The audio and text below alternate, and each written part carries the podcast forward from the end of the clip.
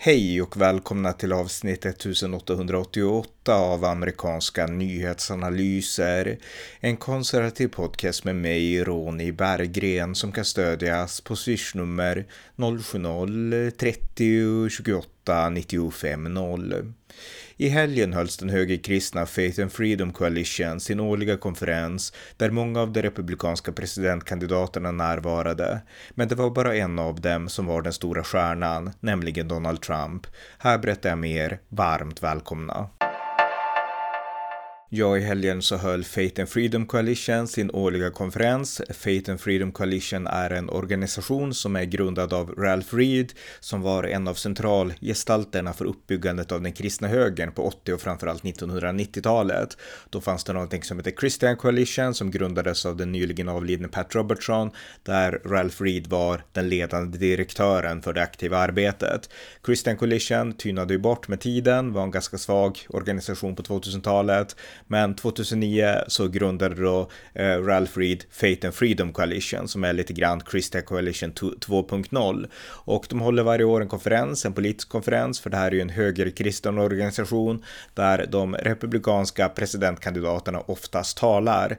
Och eh, så var även fallet den här helgen där de flesta av de republikanska presidentkandidaterna talade, alla stora namn i princip och eh, på så vis så kan man tänka sig att det här var en väldigt intressant konferens och att det fanns många tal värda att analysera och så. Och nu har jag inte sett alla tal utan jag har sett klipp från några tal, jag har läst om talen och så. Men eh, slutsatsen av årets konferens, det var ändå att det fanns bara en huvudperson och det var Donald Trump.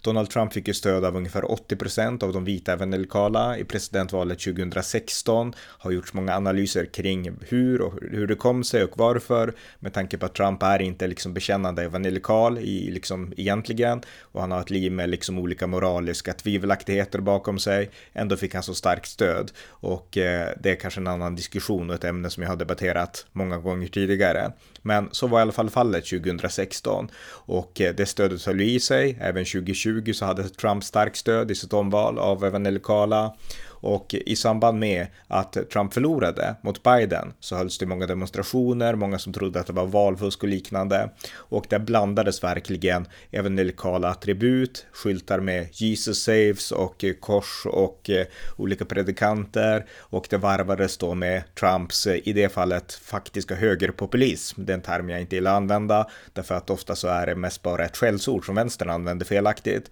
Men när det kom till valfuskkonspirationerna, då var det ju populism som Trump drev skrev. Och eh, det blandades parallellt också med eh, populistiska utspel mot liksom kristendomen och de här kristna tributen. Ni som hängde med då där kring 2020 och 2021, ni minns mycket väl, även vid stormningen av Kapitolium så var det ju så.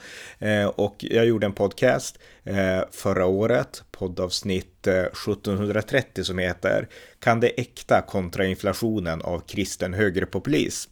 Och eh, där så ställer jag mig frågan eh, hur ska den kristna högern på något sätt gå vidare från det som ändå var problematiskt med Trump, just valkonspirationerna och eh, det som ändå utmynnade i stormningen av Kapitolium.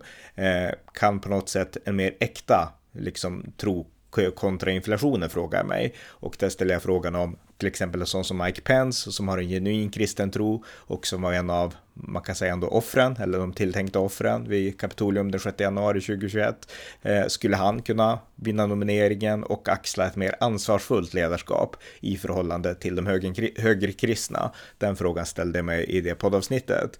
Eh, på Faith and Freedom Coalition i år så är svaret tydligt att det är Trump fortfarande som har de hög, högerkristnas stöd eh, utan tvekan veckan. Eh, Mike Pence, han talade på Faith and Freedom Coalition och eh, han blev alltid varmt välkomnad såklart och han tryckte då på att han ville se en begränsning av aborter. Och eh, det är ju Lindsey Graham då som har föreslagit ett eh, nationellt abortförbud efter eh, 15 veckors ehm, havandeskap. Och det är någonting som Mike Pence stöder. Och det betonade han, tryckte han på mycket. Han höll också en antiabortdemonstration utanför Lincoln Memorial i lördags där han också pressade på den här frågan. Och genom att göra det så ställer han sig ju till höger om Donald Trump. För Donald Trump har inte varit liksom helt, han har aldrig varit den här super, han har varit en anhängare av abortmotståndarna, men han själv har ju personligen aldrig egentligen brytt sig om frågan förrän det blev politiskt liksom gynnsamt att göra det. Och eh, i samband med högsta domstolens beslut om Roe v. Wade förra året så var ju Trump lite skeptisk till en början, för han visste inte hur kommer det här påverka valpolitiken. Och vi kan se i midterms 2022 förra året då, i, i november där, att eh, det gick så pass bra som det ändå gick för Demokraterna. Det berodde ändå delvis på att eh, Roe v. Wade försvann och att många konservativa delstater införde i praktiken ganska hårda abortförbud. Eh, så att eh, det påverkade politiskt Republikanerna negativt och Trump har ju mer, han är mer intresserad av politiken än ämnena så att han, han kände väl av det lite grann. Så att nu försökte, i synnerhet på den här konferensen, både Mike Pence men även Ron DeSantis betona att de var hårda motståndare till aborter och indirekt direkt säga att Trump var inte det, utan de var hårdare än Trump. Det var det de ville få in hos de här eh, överlag mycket abortskeptiska evangelikala. Så att man kan tänka att eh, det var en väg till någon form av möjlig seger på den här konferensen för de här kandidaterna, Ron DeSantis och Mike Pence. Eh, men så blev det inte, utan Donald Trump han kom in, han höll ett långt tal på en och en halv timme och eh, han gjorde där ett tydligt ställningstagande. Han förklarade att eh, han var glad att han hade tillsatt de här domarna, högsta domstolen och att Roe v. Wade äntligen var borta.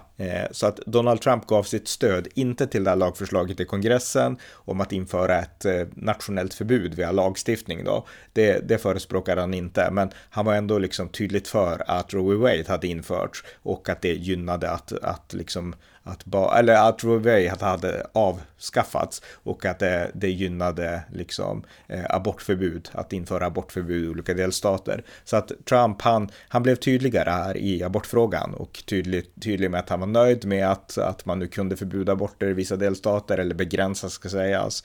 Men han, eh, han, eh, ja, han gick ändå inte liksom lika långt till höger som Mike Pence och Ron DeSantis. Så att den balansgången gick Trump. Och då kan man då tänka sig att nej, men då borde abortmotståndaren ändå föredra Mike Pence och eh, eh, Ron DeSantis. Och när det gäller sakfrågan så gör de förmodligen det. Men Trump har så många andra fördelar och de evangelikala, de tycks se de fördelarna. Trump fick enorma applåder. De ropade “We love Trump” och de ropade eh, “USA” såklart och sådana saker.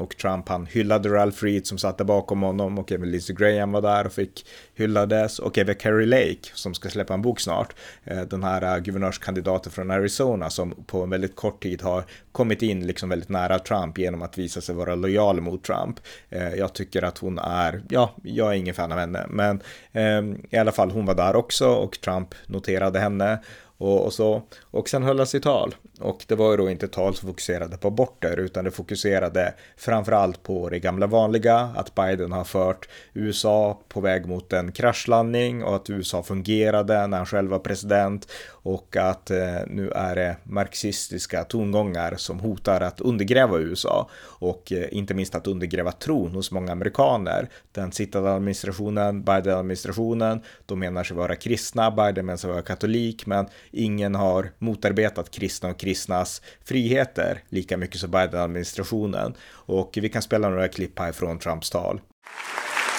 Ultimately the radical left lunatics are coming after all of us because they know that our allegiance is not to them, our allegiance is to our country and to our Creator. And that's why under Biden, Christians are being persecuted like nothing this nation has ever seen before. I don't understand how people can vote, people of faith, and I'm not just talking about Christians, I'm talking about people of faith, can vote for these Democrats. They've become monsters. They're fighting you all the way on religion. You know, I watched Biden during debates when he could speak, and he was trying to say, you know, oh, I love being a Catholic. He, you know what they're doing to Catholics right now? There's never been an assault on Catholics the likes of which they're having right now, what they're having to go through. Biden's corrupt DOJ has targeted parents at school board meetings. They've sent SWAT teams to arrest pro life activists. You know that. The FBI has been caught labeling devout Catholics as domestic terrorists and sending undercover spies into Catholic churches just as it was in the old Soviet Union days. Pretty rough stuff. We're going to keep foreign Christian hating communists, Marxists, and socialists out of America. We're keeping them out of America. When I was president, the world was stable and calm because America was respected and strong. Now, as we see in Russia and all of these other places, this whole world is on fire. This world is on fire.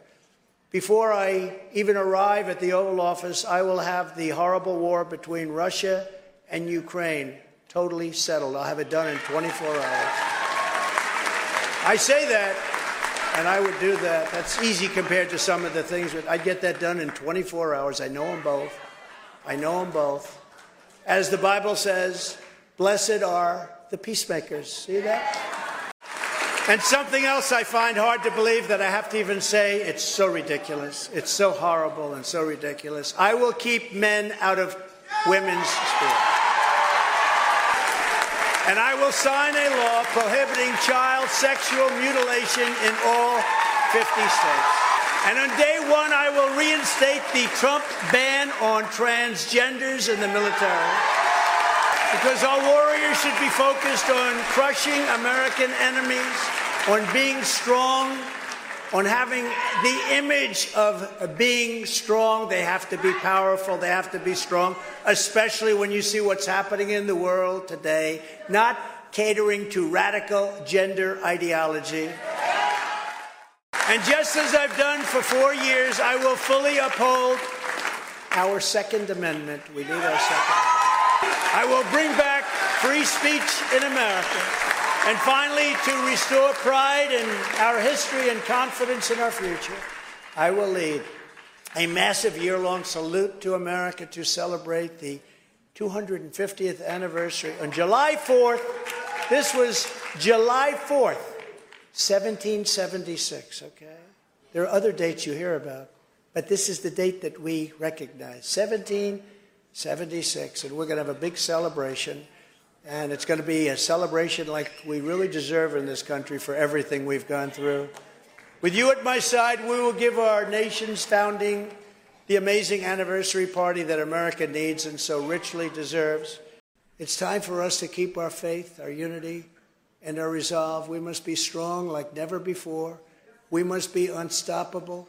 Together we will take on the communists and the Marxists and the fascists and the globalists and the fake news media, which is just as bad as all of them.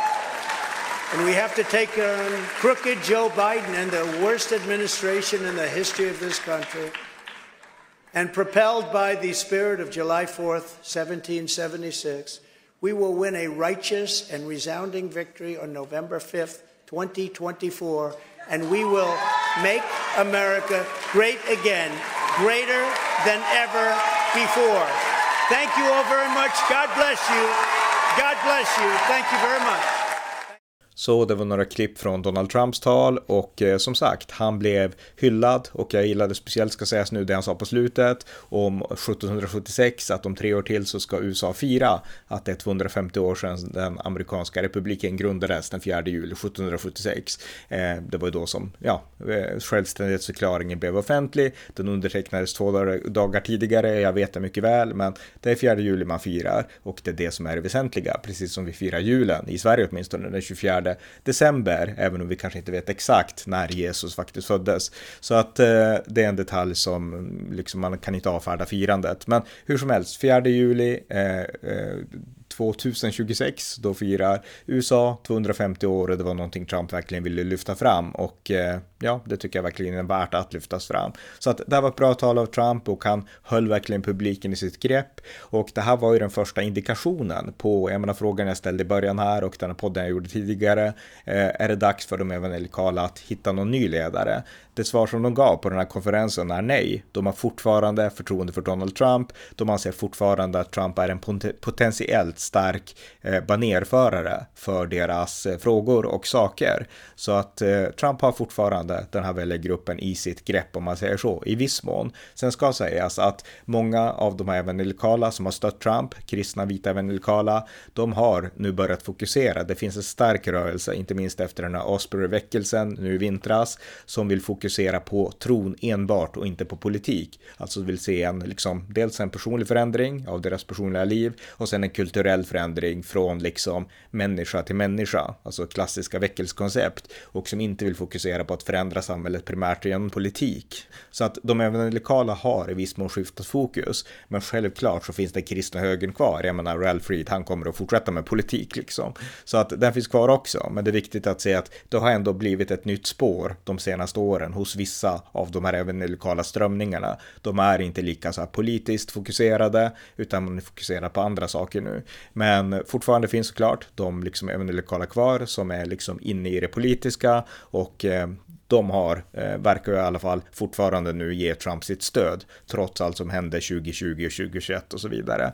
Så att eh, det var egentligen det som var det viktiga på den här konferensen om man vill analysera. Har Trump fortfarande kvar stödet? Från de lokala svaret är ja. Och eh, det finns ju en kandidat som har satsat egentligen hela sin kandidatur på att vara anti-Trump och det är Chris Christie och eh, Chris Christie, New Jerseys tidigare guvernör, han talade också här på Faith and Freedom Coalition och eh, han försökte göra en sak av att Trump var en syndare. Trump har gjort så många fel, han erkänner inte sina misstag och det är en kristen dygd att erkänna sina misstag misstag, sa Chris Christie, som alla vi som minns honom, vi vet att han har väl inte heller själv den mest ödmjuka personligheten, men han har ju slagit an på det inför det här valet, utan tvekan och gjort en grej av att, ja men visst, jag var, jag var också en buffel, men, men nu är jag inte det längre ungefär, och Trump, han, han har inte kommit till den insikten. Det är lite så Chris Christie har kört på, och han försökte med samma metod på Faith and Freedom Coalition, men han blev utbuad av de här kristna. Lyssna på det här klippet.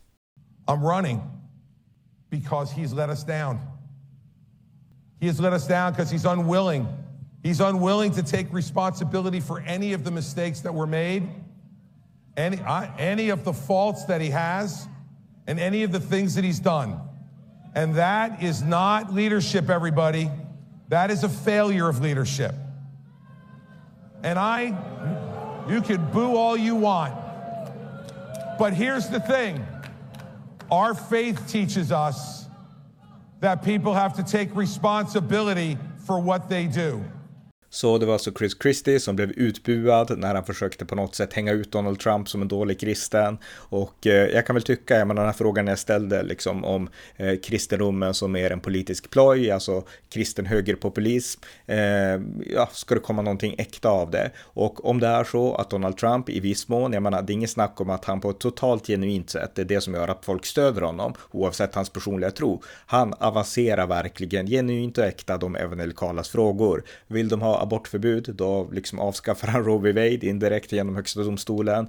Vill de ha stark, starkare skydd för religionsfrihet och yttrandefrihet så fixar han det. Så jag menar, han levererar Donald Trump. Det går inte att säga att det inte är äkta. Men däremot hans tro, jag menar, han spelar ju också på att de här behöver en sån som honom utan att själv kanske egentligen har den här riktiga tron. Så att eh, det är ett lite dubbelgrej där då. Så att han har den formen av populism, men Christie Christie försöker ju också på sin form av populism. Trump är en, han lever inte kristet livet och han kan inte erkänna sina fel. Han är en syndare som vägrar omvända sig lite grann. Så att det är också liksom ett högerpopulistiskt politiskt utspel av Chris Christie för att locka, till, locka de här religiösa liksom, eh, ja, föreställningen och tankarna som de här kristna har och få dem att på något sätt inse att Donald Trump är en dålig kristen, rösta på mig istället för att jag har kommit till de insikter Trump inte har kommit till. Så att jag menar, han spelar också på en form av populism, Chris Christie. Så att vi har här en samling av populister som försöker på något sätt eh, vinna eh, de eh, evangelikalas gunst på den här konferensen. Så att det är rätt intressant hur man kan använda den här populismen för att fiska. Men de här evangelikala är inte korkade. Det är ju lätt att man kan tro det i Sverige så är det inte, utan de röstar på en kandidat som de tror kan leverera och den som bevisligen har gjort det är Donald Trump och det är äkta. Det är liksom väldigt viktigt att förstå det. Så att kontentan av den här konferensen är att Donald Trump, han har fortfarande, han är fortfarande liksom herren på täppan bland de evangelikala eller bland kandidaternas position hos de evangelikala. Ron DeSantis kan inte konkurrera, inte ens Mike Pence kan konkurrera, trots att de båda är personliga kristna. Mike Pence är evangelikal, Ron DeSantis katolik. Men eh, det hjälper inte. Donald Trump är den som har förtroendet hos de här grupperna. Och eh, exakt vem de väljer i primärvalet, det återstår väl att se, men det, alltså, Donald Trump har inte blivit nedknuffad. Det fick vi veta på den här konferensen och det var det jag tyckte var mest intressant då. Så att där har ni lite sammanfattning av konferensen, Faith and Freedom Coalition 2023 och eh, ja, vad man kan dra för slutsats om det, nämligen slutsatsen att Donald Trump är fortfarande kungen i sammanhanget. Tack för att ni har lyssnat på amerikanska nyhetsanalyser, en konservativ podcast i det vänsterliberala svenska mediebruset som kan stödjas på swishnummer 070-30 28 95 0 eller via hemsidan på Paypal, Patreon eller bankkonto. Skänk också gärna en donation till valfri Ukraina-insamling. Vi hörs snart igen. Allt gott tills dess.